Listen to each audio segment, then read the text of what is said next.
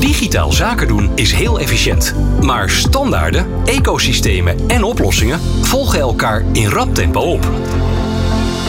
Vind je de weg in deze complexe en snel veranderende digitale wereld? Luister naar de podcastserie van Trade Interop en je bent op de hoogte van alles wat er speelt rondom e-facturatie.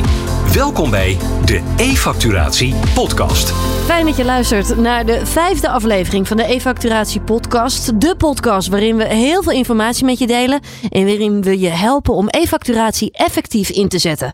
En we nemen je dan ook mee in de laatste ontwikkelingen en dat doen we met verschillende gasten. En iedere keer bespreken we dan ook een ander thema-onderwerp. En deze keer is het onderwerp hoe neem je leveranciers mee in de overstap naar e-facturatie. En deze keer is onze gast Nick van den Berg, projectconsultant e-voicing bij Tree Finance. Uh, heren, van harte welkom. Fijn dat jullie er zijn. Dankjewel. Dankjewel. Hebben we er een beetje zin in? Ja, zeker. zeker. Ja, Jaap Jan, jij bent er ook weer bij als onze vaste co-host natuurlijk. Ja. Uh, jij werkt altijd vast uh, bij Trade Interop. En um, ja, Tree Finance, mooi bedrijf ook. En er zit ook wel behoorlijk wat raakvlakken hè? met wat jullie ook weer doen. Ja, ja dat klopt. Dat klopt. Wij zijn natuurlijk uh, uh, ook veel aan het nadenken over elektronisch factureren. En jullie ook. Um, uh, en ik denk dat, even kijken. we jullie op het factuurcongres vorig jaar ontmoeten. En nou ja, zo kennen we elkaar een beetje. Ja, ja, inderdaad. Ik denk dat we elkaar wel meerdere keren zijn tegengekomen op het factuurcongres. Ja. Um, waaronder inderdaad vorig jaar. En we hebben inderdaad veel raakvlakken. Omdat wij wij geven advies over, over e-facturatie en daarbij eh, komen we Trade Interop ook wel vaker in de markt tegen. Ja, ja, en jij bent natuurlijk echt projectconsultant e-invoicing bij Tree Finance. Uh, wat maakt het vak zo mooi voor jou? De simpelheid van e-facturatie, maar de complexiteit van het implementeren daarvan ah, eigenlijk. Dus um, um, hoe makkelijk het eigenlijk zou moeten zijn om een factuur te sturen, maar hoe complex de wereld het toch maakt. En uh, dat puzzelen eraan en het het luisteren naar de bedrijven, welke problemen zij hebben. Um, ja, dat is gewoon echt, uh, echt iets waar ik energie uit haal om die, om die klanten te kunnen helpen. Ja, dat kan ik ook wel zien uh, aan de manier waarop je erover praat. Vind je wel een leuke uitdaging ook, zeg maar? Ja, zeker, zeker. Vooral omdat je eigenlijk, uh, um, eigenlijk doe, doe, ik dat op twee punten. Ik doe dat op een lokaal vlak waarin ik Nederlandse bedrijven help met e-factureren in Nederland. Mm -hmm. Maar jullie hadden laatst ook een podcast met Citizen M. En daar hebben jullie het over, over de internationale e-facturatiewetgeving gehad. En daar hou ik me ook veel mee bezig. Oké. Dus, uh, en dat is al helemaal een complex landschap met daarin uh, um, de rest van de wereld die steeds meer e-facturatie gaat verplichten. Ja. Um, dus uh, op, die, op die twee vlakken werk ik. En van beide krijg ik evenveel energie. Ik heb toevallig nu twee projecten. Eentje lokaal, eentje voor internationaal e-facturatie. Dus ja, super, super om te zien wat de problemen zijn bij die klanten en hoe we ze kunnen helpen. Hoe lang zit je al in dit vak? Oh, op het gebied van e-facturatie acht jaar. Sinds 2015 ben ik actief met e-facturatie. Ja. Echt al een tijdje dus. Ja, ja, zeker. Mooi, mooi. Veel ervaring dus ook in huis. Ook veel praktijkervaring. Daar gaan we natuurlijk straks ook over hebben. Maar je kent het vaste onderdeel. De woorden van... Om onze gast beter te leren kennen, geeft hij of zij met één woord antwoord op onze vragen. De woorden van... Nick van den Berg. Nick, een goed boek of goede film? Een goede film. Introvert of extravert? Extrovert. Nieuwsgierig, hè? Hier word, ik altijd, uh, hier word ik altijd nieuwsgierig van. Nieuwe dingen leren of bestaande vaardigheden verfijnen? Oeh. Um, nieuwe dingen leren. Dan de volgende. Geduld is een schone zaak of geduld is een waste of time? dat hangt zo erg van de situatie af. Dat ik daar niet. Uh, in, in sommige uh, gevallen vind ik dat geduld een schone zaak is. En in sommige gevallen, gevallen zou ik. Uh, sommige projecten vind ik dat geduld een waste of time is. Ja. Omdat je toch al vaak, vaak wel weet wat het uitkomt. Maar dan komt het hele organisatie en het corporate komt erbij kijken. En dan denk je van ja, nou, dit, dit hoeft nou ook weer niet. Dus de, ja, dat, dat vind ik hem lastiger om daar echt een keuze in te kunnen maken. Hangt echt van de situatie af. Ja, zeker. E-facturatie, verplichten of verleiden? Verplichten. Kijk, huppatee. Die is, ja, Waarom? Omdat ik niet geloof in uh, het, um, dat, dat, dat bedrijven het echt uh, als adoptie, dat adoptie gaat echt omhoog gaat als je het niet verplicht. Hm. Um, dat heb je eigenlijk al gezien met de EU-wetgeving die uh, vier jaar geleden inging. Waarbij overheidsinstellingen verplicht werden om het te kunnen ontvangen en verwerken. Maar eigenlijk geen verplichting kwam voor de leverancier. Daar zag je dat het wel iets met de adoptie deed. Maar eigenlijk zie je dat die adoptie vrijwel is afgevlakt de afgelopen paar jaren. Um, dus de impact die ze ermee wouden bereiken, uh, is er niet mee bereikt. En daarom zie je dat het verplicht stellen dat wel zou doen. Dus dan heb je adoptie gaat natuurlijk gelijk op 100. Uh, tenzij het gefaseerd verplicht. Maar ik, ik zie daar wel meer voordeel in.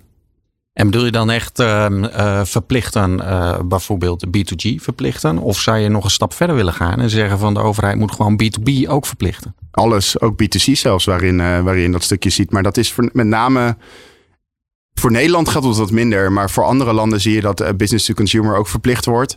Puur vanwege het feit dat ze daar belastingsuitgaven uit, uit meer belastingsinkomsten uit kunnen halen als land zijnde. Um, maar ik vind B2B verplichten zeker, zeker een, eh, een, een, een goed plan voor, uh, voor ook de Nederlandse economie en de samenleving. Um, en uh, voor B2G is het in Nederland dan deels verplicht. Ik vind dat ze daar al lang naar een, naar een, naar een grotere verplichting aan moeten gaan. Om ook de waterschappen en ook de gemeente hm. verplicht te laten ontvangen. de leveranciers verplicht te laten versturen. Nou, ja. ja. Ja. Dat is wel grappig. Daarin, daar, daarin denken we wel verschillend. Maar dat komt misschien ook vanwege de verschillende rollen die we hebben. Ja ik wil het echt graag zo simpel maken dat mensen dit willen gebruiken. En dat vind ik een hele belangrijke uitdaging. Als je het hebt over waar lig ik wakker van, dan is het deze. Hoe kunnen we ervoor zorgen dat mensen het willen gaan gebruiken, zelfs als het niet verplicht is. Dus ik vind het wel aardig uh, dat we daar, uh, daar een verschillende kijk op hebben. Ja, leuk ook wel. Juist dat contrast ook wel weer. Maar jij vindt de usability dus ook heel erg belangrijk. Dus dat het heel simpel wordt en heel aantrekkelijk wordt eigenlijk. Ja. Zodat je eigenlijk ook, nou ja, geen andere keuze ook meer maakt. Zeg maar. Dus dat mensen zo verleid worden dat ze daarvoor gaan. Verleiding, ja, precies. Ja. ja, interessant. Jij gelooft daar niet helemaal in of denk je dat het wel kan? Ik, ik denk dat het tot zekere mate kan, maar ik denk dat je nooit aan die 100% verplichting gaat komen op die, op die 100% adoptie gaat komen op die manier. Ik denk dat je, tenzij je het zo makkelijk maakt dat, dat, dat je er niet meer bij hoeft na te denken um, om het aan te zetten. Dus zeg maar eigenlijk dat je het standaard, dat het een standaard functionaliteit wordt van pakketten. Dus stel dat je een exact of een Moneybird of wat dan ook gebruikt, dat e-facturatie de standaard daarin is. En als je naar e-mail wil gaan, dan moet je e-mail aanklikken en moet je zeggen: Oké, ik wil die facturen per e-mail sturen in plaats van e-facturatie. Maar anders, um, het, het, bewustzijn bij, uh, eigenlijk gaan we dan gelijk over naar het onderwerp. Het bewustzijn van, van leveranciers over e-facturatie, die is, die is vrij gering in Nederland. Dus veel leveranciers die je zal bellen om ze aan te sluiten, die, die snappen niet zo goed wat e-facturatie is of hoe dat inhoudt. Dus die moet je gaan opleiden. Die moet je meer gaan vertellen erover en dat soort dingen. Dus ik ben het zeker, ik ben het zeker ook, ook niet helemaal oneens hoor met, uh, met Jaap Jan. Maar ik denk dat je, um, dat je het dan zo gebruiksvriendelijk. En ja, ik denk dat het ook wel lastig is, omdat die markt ook best wel complex gemaakt is op dit moment. Hm. Dus, dus dan moet er wel weer een bepaalde sturing komen van de overheid hoe we dingen gaan doen. Door bijvoorbeeld dan te zeggen van oké, dan verplichten we niet dat uh, partijen het uh, moeten doen. Maar we verplichten wel de manier waarop ze het moeten doen. Dus dat je dan kan zeggen van iedereen zou het via Peppel moeten doen. Of iedereen zou het via, uh, via een ander kanaal uh, moeten doen. Dus daar zou ik dan, dan kan je de verplichting nog wel nuanceren. Ja, ja. Ja, en, inderdaad. En dat zou dan misschien ook wel. Hè, ik heb wel eens gedacht van misschien zou de overheid uh, eh, ERP-pakketten moeten verplichten om dit zo simpel te maken in de software dat het inderdaad heel eenvoudig is. En dat het voor een eindgebruiker gewoon niet meer moeilijk is om die stap te maken. Misschien dat, zou dat de verplichting moeten zijn dan.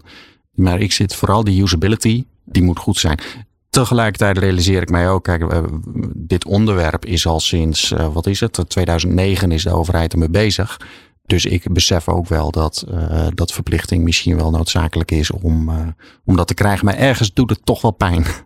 Ja, dat snap ik ook wel. En dat, dat heb ik dat, dat, dat idee heb ik ook wel. Maar je ziet gewoon dat het, dat het over alle landen heen in Europa, dat het, dat ook gewoon niet, ook in Frankrijk, waar business to government volledig verplicht is, zie je dat die adoptie gewoon niet verder groeit op het moment dat iedereen die naar overheidsinstellingen stuurt, die stuurt het wel, maar die sturen zelfs niet al hun eh, facturen als e-factuur naar andere bedrijven.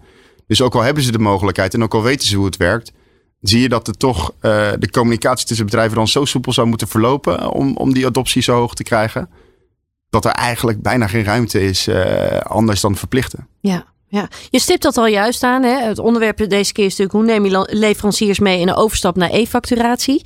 Maar het besef, zeg maar, is er nog niet heel erg. Hè? Bij heel veel bedrijven, bij veel organisaties. Wat nou precies e-factureren is, al dat soort dingen. Is dat wat jij zo ervaart?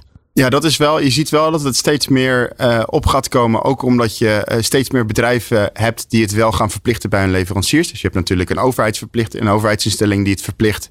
Maar je hebt ook gewoon een bedrijf, zoals bijvoorbeeld uh, uh, de grotere bedrijven, denk aan de Unilevers, denk aan de KPN's, et cetera. Die gewoon tegen een leverancier zeggen: hey, vanaf nu willen wij uh, verplicht een e-factuur ontvangen. Zo zijn wij ook als Trifinance zijnde nu aan het e-factureren. Omdat, nou ten eerste omdat we het een goede oplossing vinden. Maar ten tweede omdat wij gewoon klanten van ons die hebben gezegd: wij willen alleen via PayPal een e-factuur ontvangen. En op een andere manier kan je ons niet meer factureren. Dus daardoor zie je eigenlijk dat het wel steeds, het besef steeds groter wordt. Maar je ziet eigenlijk bij de kleinere bedrijven en bij het MKB dat het nog wel, ja, dat de kennis echt gering is. En dat je echt moet uitleggen op het moment dat je ze gaat bellen. Um, en gaat vragen of ze e-factureren. Dat je echt moet uitleggen van dit is het. En dit houdt het in. En zo gaat het gebeuren, et cetera. En, uh, Waar zit dat dan in? Dat juist bij die kleinere organisaties uh, ja, dat nog minder leeft. Waardoor komt dat? Uh, mijn uh, mening daarover is dat um, dat komt omdat die niet, uh, niet echt onderzoek naar e-facturatie doen, omdat ze ook weinig facturen ontvangen vaak. En eigenlijk zie je dat de grootste winst, vooral bij de, op, op, op het gebied van e-facturatie, is als je heel veel facturen ontvangt. Want normaal moet je die dan inscannen. Of vroeger kreeg je ze zelfs nog per papier. Dan moet je ze in, echt in een scanner doen nog.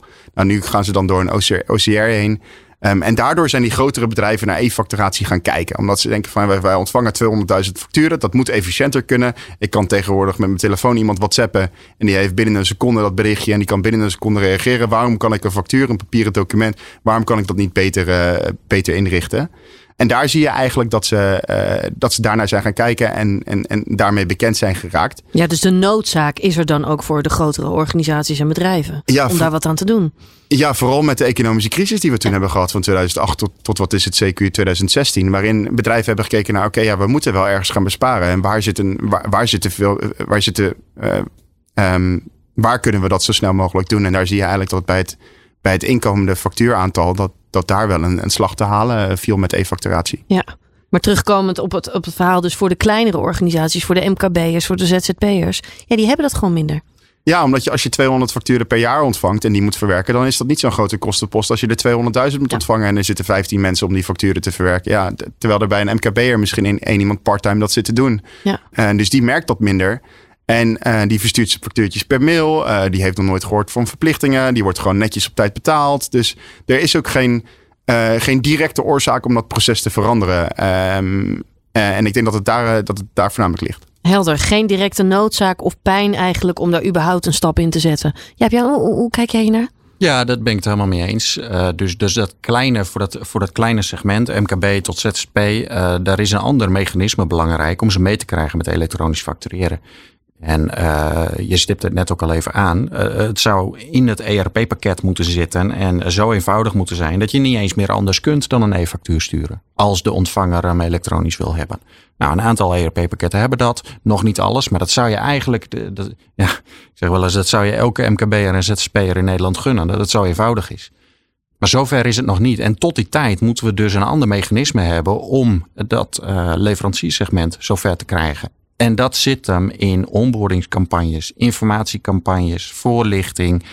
En dat is iets van lange adem. Dat moet je steeds weer doen en steeds blijven doen. Ja. Dat gaat er wel komen. Ja. ja je hebt het al over dat onboorden inderdaad. Uh, introductie van het probleem dan onder andere. Organisaties hebben e-facturatie technisch ingericht, maar ze ontvangen bijna geen e-facturen. Want leveranciersonboarding is iets waar je tijdens de implementatie al mee aan de slag moet en niet pas daarna. Ja, eens.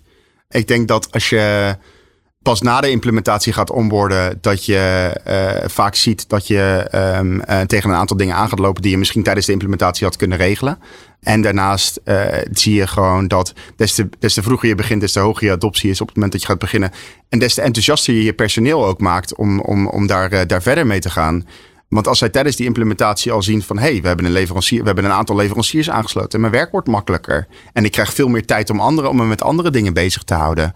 Dan zie je daarin uh, ook die het enthousiasme bij hen uh, komen. Waarbij als het klaar is met implementatie en dan gaat nog geen e-facturatie, uh, e-factuur door dat kanaal heen.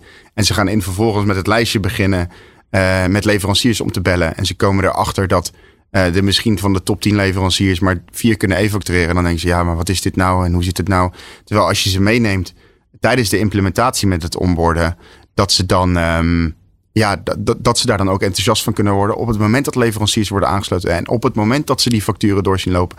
En dat ze dan ook gewoon verder willen. En, dat, en, en, en dan wordt het voor ehm, eh, je crediteuradministrateurs, uh, wordt het ook gewoon leuk om die leveranciers te onboorden. Ja. Is dit iets wat je ook regelmatig ziet? Dit probleem, zeg maar? Dat het, ja, je ziet vaak het probleem.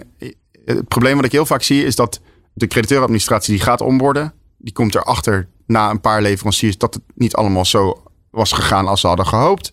Misschien ook omdat er in de, uh, in de markt een paar keer werd gezegd van... oh ja, die kunnen allemaal wel even factureren en dat komt allemaal wel goed. En daar zie je dan vaak dat, ze, ja, dat, dat het een beetje uh, afgeleid raken daardoor. Omdat ze juist niet de leveranciers willen onboorden die ze, die ze hebben kunnen onboorden... die ze graag zouden willen onboorden. En dat ze dan denken, oh joh, laat dat e-facturatie maar zitten. We doen het wel gewoon op de huidige manier. Zo goed zo. Het is wel goed zo, ja. Terwijl je denkt van, ja, dat is zo zonde als je het eigenlijk laat liggen. Ja. Ja, inderdaad. En wat, dus dus um, uh, allereerst zien wij ook wel vaak bedrijven die zeggen van nou, we hebben de implementatie afgerond van elektronisch factureren. Uh, en dan zijn ze verbaasd dat de voordelen ervan, namelijk elektronisch factureren, facturen worden veel efficiënter verwerkt, dat die achterblijven.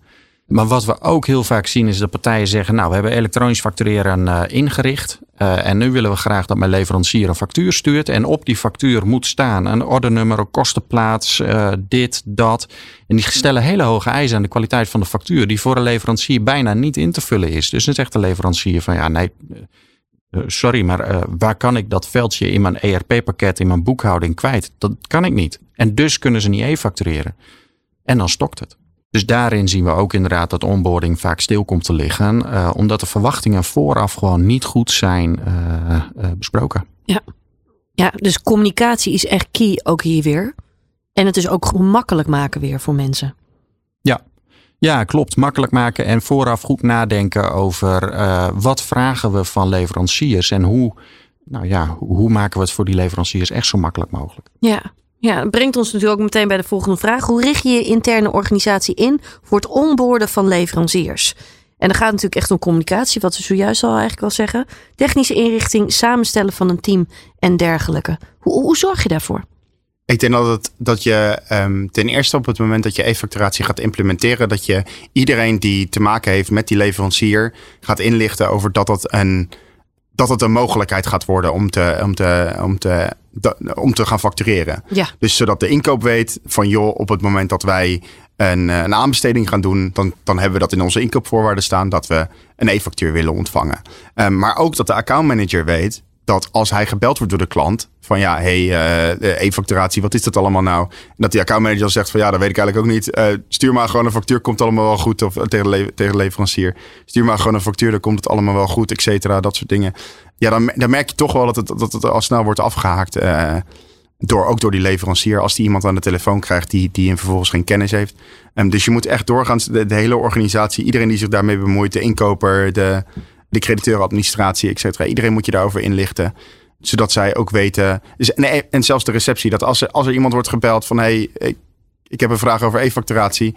Dat die receptie ook weet van joh, ik moet het zo doorverbinden met de juiste afdeling. Want anders denken ze ook, ja, e-facturatie, dat doen we hier niet aan. En heb je telefoon ophangen en, en ja. het stopt bij de voordeur. Ja. Dus het is sowieso heel handig om. Uh, om, om gewoon iedereen in te lichten met uh, wat je. Ze hoeven niet allemaal precies te weten hoe die e-factuur ontvangen moet worden, et cetera. Maar wel dat ze weten eh, dat het een mogelijkheid is. En ja. welke persoon ze daarvoor moeten benaderen binnen de organisatie. Hoe ik het vaak voor me zie, en, en, en hier bij de radio spreken we natuurlijk ook wel heel veel verschillende bedrijven. Hè? Ik als presentatrice spreek heel veel verschillende branches ook weer. Dan zie je heel vaak dat er gewoon een mailtje binnenkomt. Van jongens, uh, we gaan nu e-factureren of we gaan dit en dit en dit doen. Maar vaak is dat niet genoeg hè.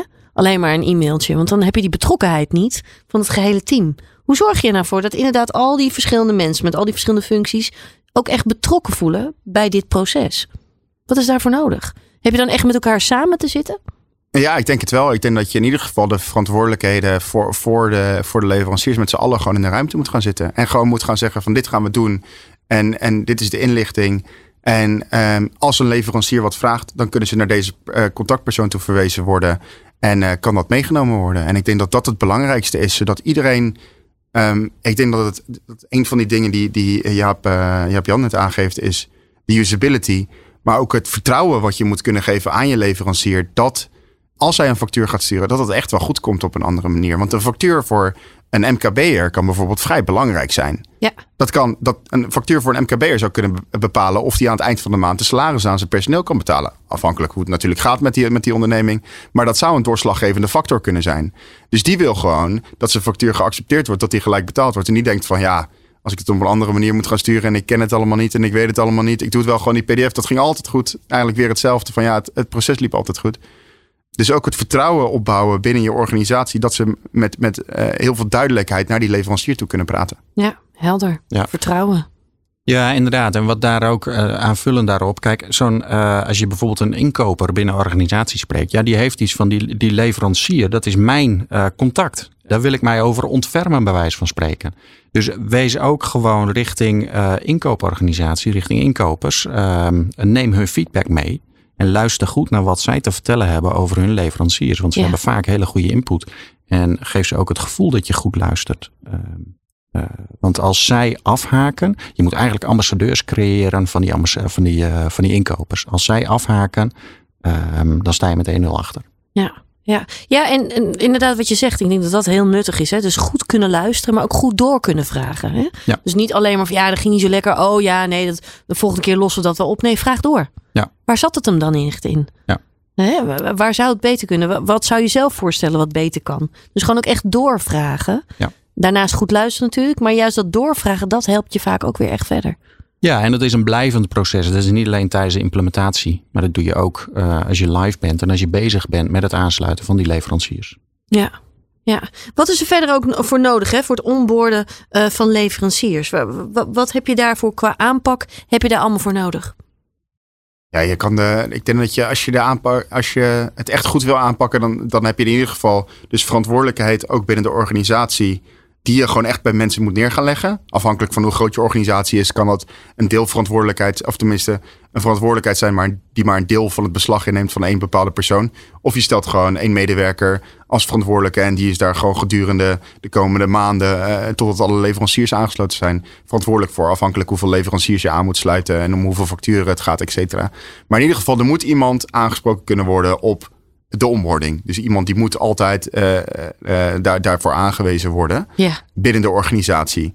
Op zowel de finance afdeling en misschien zelfs ook nog wel op de inkoopafdeling. Als je dan verder kijkt, dan zou je ook nog zeggen van maak het in ieder geval ook zo makkelijk mogelijk om voor andere mensen die vragen te beantwoorden.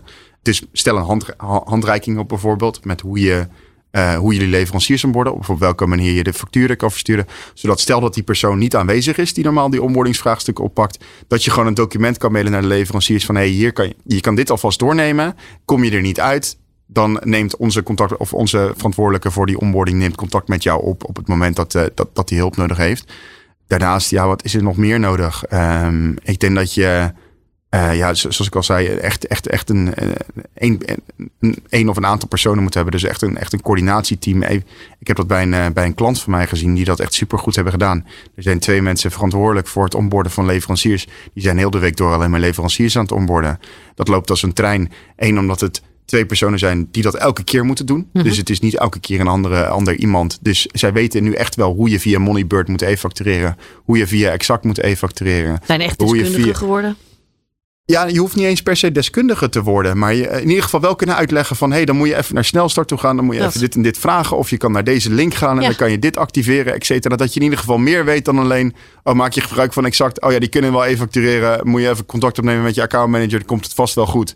Dan heb je ook zoiets van... ja, oké, dan sta je alsnog... je moet je leverancier gewoon echt ontzorgen daarin. Juist om die, om die gebruiksvriendelijkheid te creëren... die er op dit moment in de pakketten nog niet is. Ja. Ehm, omdat je in sommige pakketten een extra module moet afnemen. Omdat je in sommige pakketten twee weken moet wachten voordat het geactiveerd is, et cetera. Ja, het liefst heb je inderdaad, eh, wat ik van tevoren al aangaf, dat het er bij default gewoon in zit. Je stuurt een e-factuur en op een andere manier, als je op een andere manier facturen wil gaan versturen, dan moet je naar een setting gaan en die instelling gaan aanpassen eh, naar eh, facturen per mail. Dus eh, ja, wat ik aangaf is eh, gewoon echt, echt een, iemand die de verantwoordelijkheid neemt. Iemand die een team die daar eh, die, die het uitvoert. En eh, ook gewoon duidelijke doelstellingen stellen voor jezelf. En eh, die ook gewoon opvolgen. Dus stel dat je zegt, ik wil dit kwartaal 10 leveranciers onboarden. Dan, dan streef je daar ook naar om 10 leveranciers te onboarden. Ja. Of ik wil dit, in, of ik wil dit jaar eh, 25 leveranciers onboarden, et cetera. Ik denk dat je daar ook naartoe moet gaan werken. Want anders blijft het inderdaad iets wat op de plank ligt. En wat je dan maar even gaat doen als je niks te doen hebt. Als de kwartaalafsluiting al gedaan is en je denkt, oh, ik heb nog een paar uurtjes. Ik ga wel even uh, um, paar MKB's bellen of een paar bedrijven van onze leveranciers bellen om te vragen of ze kunnen evacueren. Ja, dus echt een, een goed plan van aanpak. En dat het geen ondergeschoven kindje wordt, maar dat het gewoon echt ook een doel is. Inderdaad, wat je ook echt zegt. Maak het concreet voor jezelf. Ja. Waar wil je over een kwartaal of over een half jaar precies staan als bedrijf? Als het gaat om e-facturatie. Ja, ja. KPI's stellen. En meten is weten. Dus uh, zodat je continu bij kunt houden van uh, hoe doen we het. En ook continu terugkijken van uh, en welke voordelen levert het op. En gaan die elektronische facturen daadwerkelijk zo efficiënt door ons, door ons proces heen? Of moet ik fine-tunen? Wij merken wel vaak, met name grote organisaties, zeggen we vaak, uh, heb een onboarding team, zoals jij ook aangeeft inderdaad. En zorg ervoor dat binnen dat onboarding team in elk geval iemand van ICT, iemand van finance en iemand van inkoop zit. Dat je die drie expertises hebt. En dat die drie rollen ook beschikbaarheid hebben over tooling. Om uh, te kijken welke leveranciers heb ik, hoeveel facturen sturen ze, uh, hoe sturen ze die op dit moment. Um, en uh, als ze een e-factuur sturen, hoe komt die aan en wordt die verwerkt? Dus dat ze ook kunnen zien welke facturen gaan goed, welke niet. Dus tooling is ook heel belangrijk daarin. Ja, tooling is heel belangrijk. En wat je wel mooi aanstipt, hè, dat stukje service. Hè, dus dat als je iemand belt, ik kom er even niet uit, dat je ook meteen goed geholpen wordt. Hè? Die service, die vriendelijkheid, die leveranciersvriendelijkheid eigenlijk, zeg maar. Ik denk dat die ook heel erg belangrijk is juist in, in zo'n, nou ja, zo'n transitie waar je dan met elkaar eigenlijk dan uh, samen doorheen gaat. Dat je ook inderdaad dat vertrouwen krijgt, maar ook die backup van, oh, ik weet het even niet. Oh, maar ik word ook meteen goed geholpen. Ja, ja, ja zeker. Zeker. Ik denk dat dat echt een, echt een hele belang, een, belangrijke factor is die vaak gemist wordt door, door bedrijven. Ik denk dat heel veel bedrijven denken van, oh, dan ga ik bellen.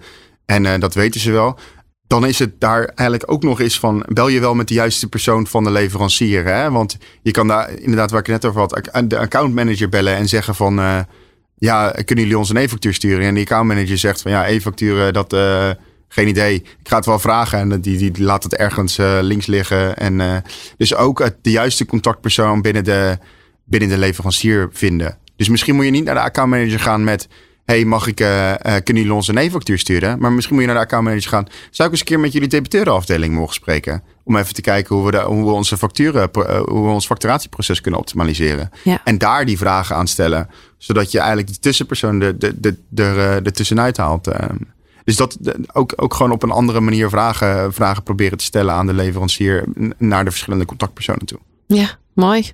Nu hebben we altijd, altijd heel veel verschillende vragen, ook verschillende onderwerpen hier ook in besproken. Hier is natuurlijk echt het onderwerp, hoe neem je leveranciers mee in een overstap naar e-facturatie? Nu heb je zojuist al heel veel gedeeld. Is er nog een tip die je graag aan onze luisteraars mee wilt geven?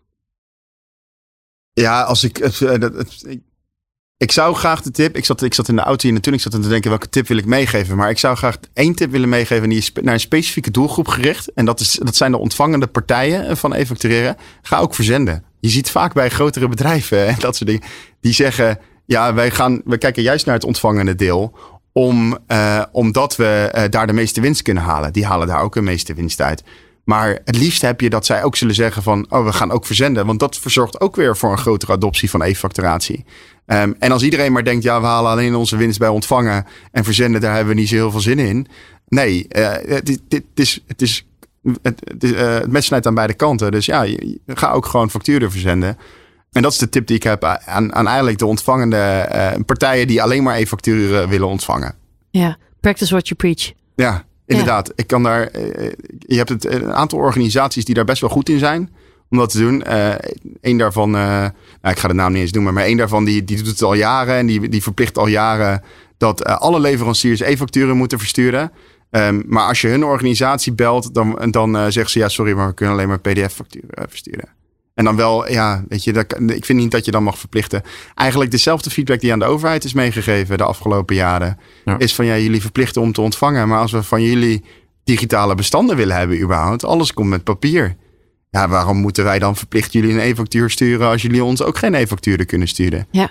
ja. Um, dus ook, ook die krijgen die feedback daarover uh, over binnen. Ja, die gelijkwaardigheid, zeg maar, dat het aan beide kanten gewoon ook, nou ja, klopt, zeg maar, ja. is heel erg belangrijk. Ook weer voor de adoptie van e-facturatie. Ja, Jan, hoe kijk jij hier naar? Dit is al eerder aan bod gekomen, ook in andere ja, podcasts, hè? Ja, ja, dat klopt. Dat klopt. Dat is, uh, uh, en, en dit, dit, is denk ik terugkerend, uh, terugkerend onderwerp. Um, en wat, wat, denk ik ook heel belangrijk is, hebben we, hebben we het denk, volgens mij ook wel eens eerder over gehad, is die, is die communicatie richting leveranciers. Heel duidelijk en heel leveranciersvriendelijk communiceren. dat, is een, dat is denk ik een hele belangrijke. En wat ik ook wel wij zien nog wel eens grote organisaties, misschien een beetje in het verlengde van wat jij ook aangeeft. Grote organisaties die zeggen van wij willen een e-factuur. Wij hebben ons eigen platform daarvoor. En beste leveranciers, sluit maar aan op mijn platform. Dus die werken niet met open standaarden. Nou, dat heeft ook weer met gemak en zo te maken. Hè? Maar uh, dat hele idee van dat je leveranciers wel willen aansluiten op jouw eigen inkoopplatform of zo daar moeten we zo snel mogelijk vanaf. En ik, ik, ik ben er wel verbaasd over dat we dat in 2023 nog regelmatig tegenkomen. Sterker nog, het is een heel groot probleem aan het worden in de markt. Ik, heb, ik krijg vaak genoeg vragen voorbij komen. Van ja, hebben jullie een manier hoe jullie dit kunnen optimaliseren? Want sommige van die netwerken die zijn echt gesloten. En die laten ook gewoon niemand anders toe.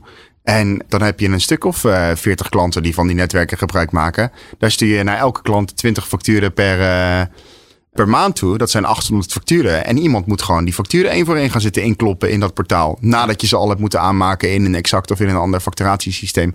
Dus je bent in vervolgens gewoon 2, 3 FTE kwijt uh, voor een week. Omdat ze al die facturen moeten inkloppen. Dus dat is, dat is echt een best wel groot probleem aan het worden. Het, het enige wat een beetje een sprankelen, uh, sprankje hoop daarin geeft. Is dat bepaalde landen nu zitten te denken om Peppel verplicht te stellen. Ja. Um, dus als uh, bepaalde partij, landen gaan zeggen. Je, je moet e-facturen uitwisselen en dat moet via het Peppel-netwerk, dan moeten die gesloten netwerken ook wel over. Ja. En als dat gaat gebeuren, en ik vind dat ook een taak van de overheid om dat, om, om dat op te pakken. Ik vind dat de NPA nu in ieder geval ook al goed bezig is met Peppel uitrollen, maar ik vind dat zeker een, een, een, een eh, taak van de overheid om ervoor te zorgen dat die gesloten netwerken verdwijnen.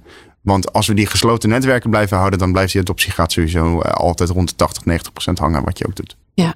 Ja, dat, dat is waar. En um, ik kom misschien weer terug op het begin van de podcast. Want dit is inderdaad door, middels een verplichting. Uh, maar wat ik heel gek vind, is dat dit soort grote organisaties, je zou toch verwachten dat die beter weten en uh, um, uh, wat minder zelfgericht zijn en nadenken over wat voor impact heeft dit op de hele keten, zeg maar, als ik dit verplicht. Hè? Als ik, het is best wel zelfgericht om dit soort eisen te stellen. Je zou toch verwachten dat grote organisaties hebben van nou, als ik ga e-factureren, dan moet ik gewoon aan mijn leveranciers denken en dat op een leveranciersvriendelijke manier moeten doen. En daar zie je eigenlijk dat, het, uh, dat je bij zo'n groot bedrijf ziet dat die belangen overal ergens anders liggen. Want wat het, het, het, effect op die keten, dat ligt bij een groot bedrijf, bij de logistieke afdeling. De finance afdeling, die heeft maar één KPI en dat is hoeveel mensen zijn er bezig om al de ontvangende facturen, de, de, de, de, de crediteuradministratie, hoeveel mensen zijn er bezig om alle ontvangende facturen um, te verwerken. En zolang die naar beneden gaat, maakt het er niet uit op welke manier dat is. En dat dat impact heeft op de keten of dat het impact op, op de leverancier, dat hoort die crediteuradministratie nee. helemaal niet. Want die, ja, die, die hebben helemaal geen contact met die klant. Nee. Uh, die zien gewoon die facturen netjes binnenkomen. Die denken, die zijn 100% op e-facturatie, omdat uh, ja, alles wordt uh, ingetikkeld. Maar ja, de klant stuurt ondertussen geen e-factuur. Die, die, die tikt het over in een portaal. Ja. En daarbij zie je eigenlijk dat dat besef er eigenlijk helemaal niet is bij die finance afdeling. Nee. Die, die hebben, niet, die, die hebben geen, geen idee wat ze aan het doen zijn uh, uh, in de markt. Nee, en op zich is dat ook natuurlijk helemaal niet gek. Zeker als je zo'n grote organisatie bent, dan is dat op zich natuurlijk iets wat heel snel ontstaat. Hè? Dat worden dan losse eilandjes, waardoor je dat dan ook helemaal, dat, dat helemaal niet ervaart als een probleem. Ik kan me wel voorstellen dat de bedrijven die dat wel goed doen, dat die steeds meer een voorbeeldfunctie gaan nemen. Dus dat je elkaar toch op die manier gaat inspireren ook wel. Zeker als, als klanten en leveranciers daar ook weer heel positief op reageren. Dus dat het dan toch een beetje een soort olievlek wordt, langzamerhand, in positieve zin. Ja. Ja, zeker. En de vraag is hoe ga je dat faciliteren, dat olievlek-effect? en uh, ik denk dat dat een hele grote uitdaging is. Misschien kan de overheid daar een rol in spelen. Hè? Dat, dat hebben ze wel eh, ze doen wel pogingen om die olievlek te stimuleren. Hè, dat het bedrijfsleven onderling ook ziet van ja, we moeten toe naar die open netwerken. Ja, we moeten toe naar ook verzenden. Ja, we moeten toe naar um, laagdrempelig en, en eenvoudig. Maar ja, hoe, hoe gaat de overheid, hoe gaan ze dat faciliteren? Hè? Ik ben heel benieuwd of de overheid daar een rol in gaat pakken. Ja, eigenlijk zie je dat de Belgische overheid dat wel doet. Die heeft uh, al, al nu drie jaar lang, die pakt daar een rol voor zichzelf. En die, die, die organiseert elke maand, of elke kwartaal denk ik, een van die twee, uh, kan me nu niet echt, echt precies herinneren. Een sessie voor bedrijven om te zien wat ze kunnen doen met e-facturatie. Daar nodigen we dan een software provider uit.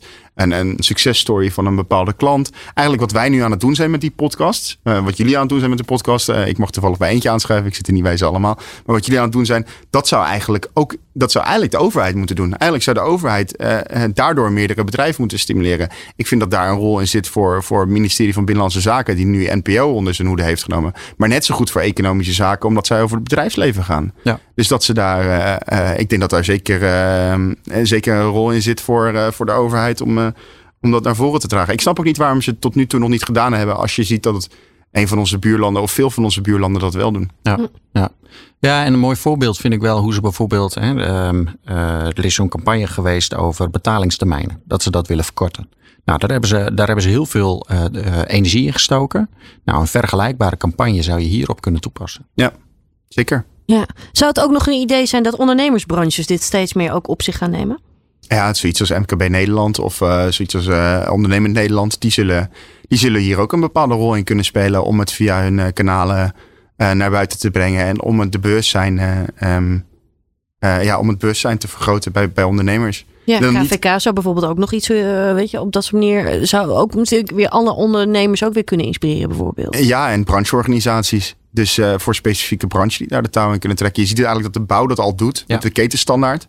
Die trekt daar al de lijnen in om, zeg maar. En dat, dat, dat doen ze al 20 jaar, volgens mij, of al langer, volgens mij 25 jaar, dat ze daar echt wel uh, een goede uh, strategie voor hebben over de digitalisering binnen de bouw en over het uitwisselen van informatie. Dus het gaat niet alleen over de e-factuur, maar over productinformatie, alles erop en eraan. En dat is gewoon een geoliede keten ten opzichte van de rest van de branches in, uh, in, uh, in Nederland. Dus ik denk dat ook de brancheorganisaties daar meer van kunnen leren. Ja, ja zo kun je elkaar ook weer inspireren, ook wel weer. Hè? Ja, ja, zeker. Ja. Genoeg nog werk aan de winkel.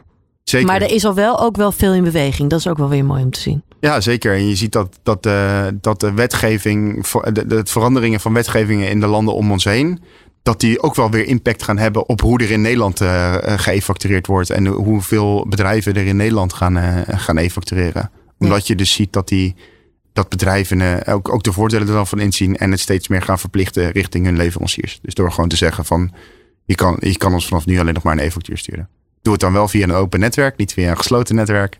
Dus gebruik vooral Peppel of een, uh, of, of, ja, of, of, of een, of een uh, partij die aangesloten is bij Peppel.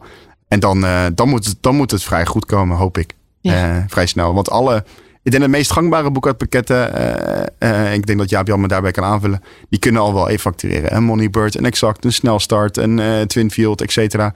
Die kunnen het allemaal al wel. Alleen, ja, die knop moet gewoon aangezet worden. Ja. ja dat is het. Ja. Nou, daar gaan we voor. Ik wil jou heel erg eh, bedanken, Nick van den Berg, voor uh, nou ja, je visie, maar ook je kennis. En heel veel succes met alles wat jullie nog gaan doen. Ja, jullie bedankt. Jaap Jan, jij ook weer uh, bedankt. En uh, voor de luisteraar, heel erg bedankt uh, voor het luisteren naar de e-facturatie podcast. En heel graag tot de volgende keer.